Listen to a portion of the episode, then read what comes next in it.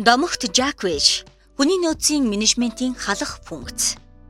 Өнөөдрийн подкастыг ган зөрөг бизнес сургууль танд хүргэж байна. Менежментийн ухааны амьд домог Welch G корпорацийг 20 жил удирдахдаа компани үнэлгээг даруй 40000 хувиар өсгсөн билээ. Тэрээр менежментийн олон шин аргачлал гаргаж Fortune сэтгүүлийн 100-ны топ гүйцэтгэх захирлаар нэрлэгдсэн юм. Welch-ийн хүний нөөцийн менежмент тун чанга байлаа. Тэрээр жил бүр компани нийт менежерүүдээс хамгийн муу гүйцэтгэл гаргасан 10%-ийг халдаг практик хэвшүүлсэн байна. Түүнийг гүйцэтгэх захирал болох үед G 411 мянган ажилтнтай байсан бол 5 жилийн дараа 299 мянга болж буурсан байна. Гэхдээ энэ хугацаанд ажил жил бүр дараалан 10%-аар өсчээ. Одоо энэ муу 10%-ийг цомгтогдог аргыг Америкийн топ 500 корпорациас 30% нь хэрэгжүүлж байгаа тухай мэдээ байна. Ном сурах бичихт хүний нөөцийн менежментийн функцийг дараах байдлаар тодорхойлсон байдаг. Нэгдүгээрт чадвартай ажиллах хүч бүрдүүлэх, хоёрдугаарт сургаж хөгжүүлэх, гуравдугаарт урамшууллын систем бий болгох, дөрөвдүгээрт хөдөлмөрийн эрх зүйн харилцааг зохицуулах. Сонирхолтой нь альч хүний нөөцийн номонд бүтээмж гаргахгүй байгаа байгууллагын соёлыг хордуулж байгаа менежерүүдийг цомгтгох талаар алга.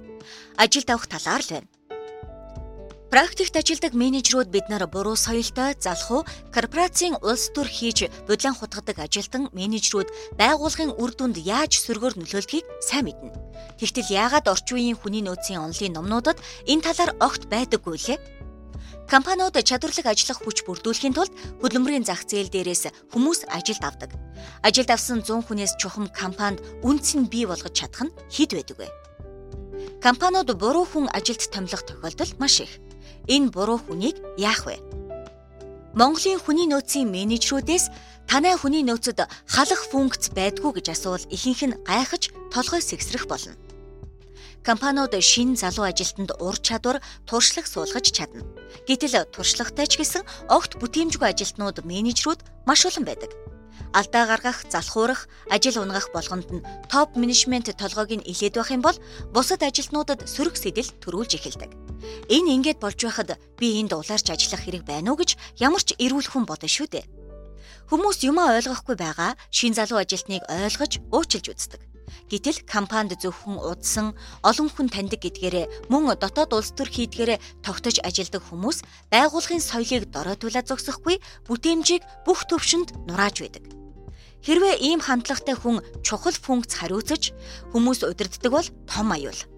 Яагаад халах функц компаниудад байхгүй байна вэ? Яагаад гэвэл компаниуд гүйцэтгэлээ хэмжиж чадахгүй байна. Компани ажилтан менежер бүр тухайн жилд ямар үн цэнийг авчирсан бэ гэдгийг хэмжиж чадахгүй байгаа компани эргээд дотоод улс төрийн талбарл болж хувирна. Тим компаниас эсэргээрээ бүтээмж өндөртэй ажилтнууд нь дайжиж эхэлдэг.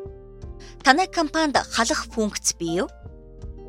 Ган зөрөг бизнес сургуультай танилцахыг хүсвэл Ган зөрөг цэгийн вебсайт руу зочлоорой.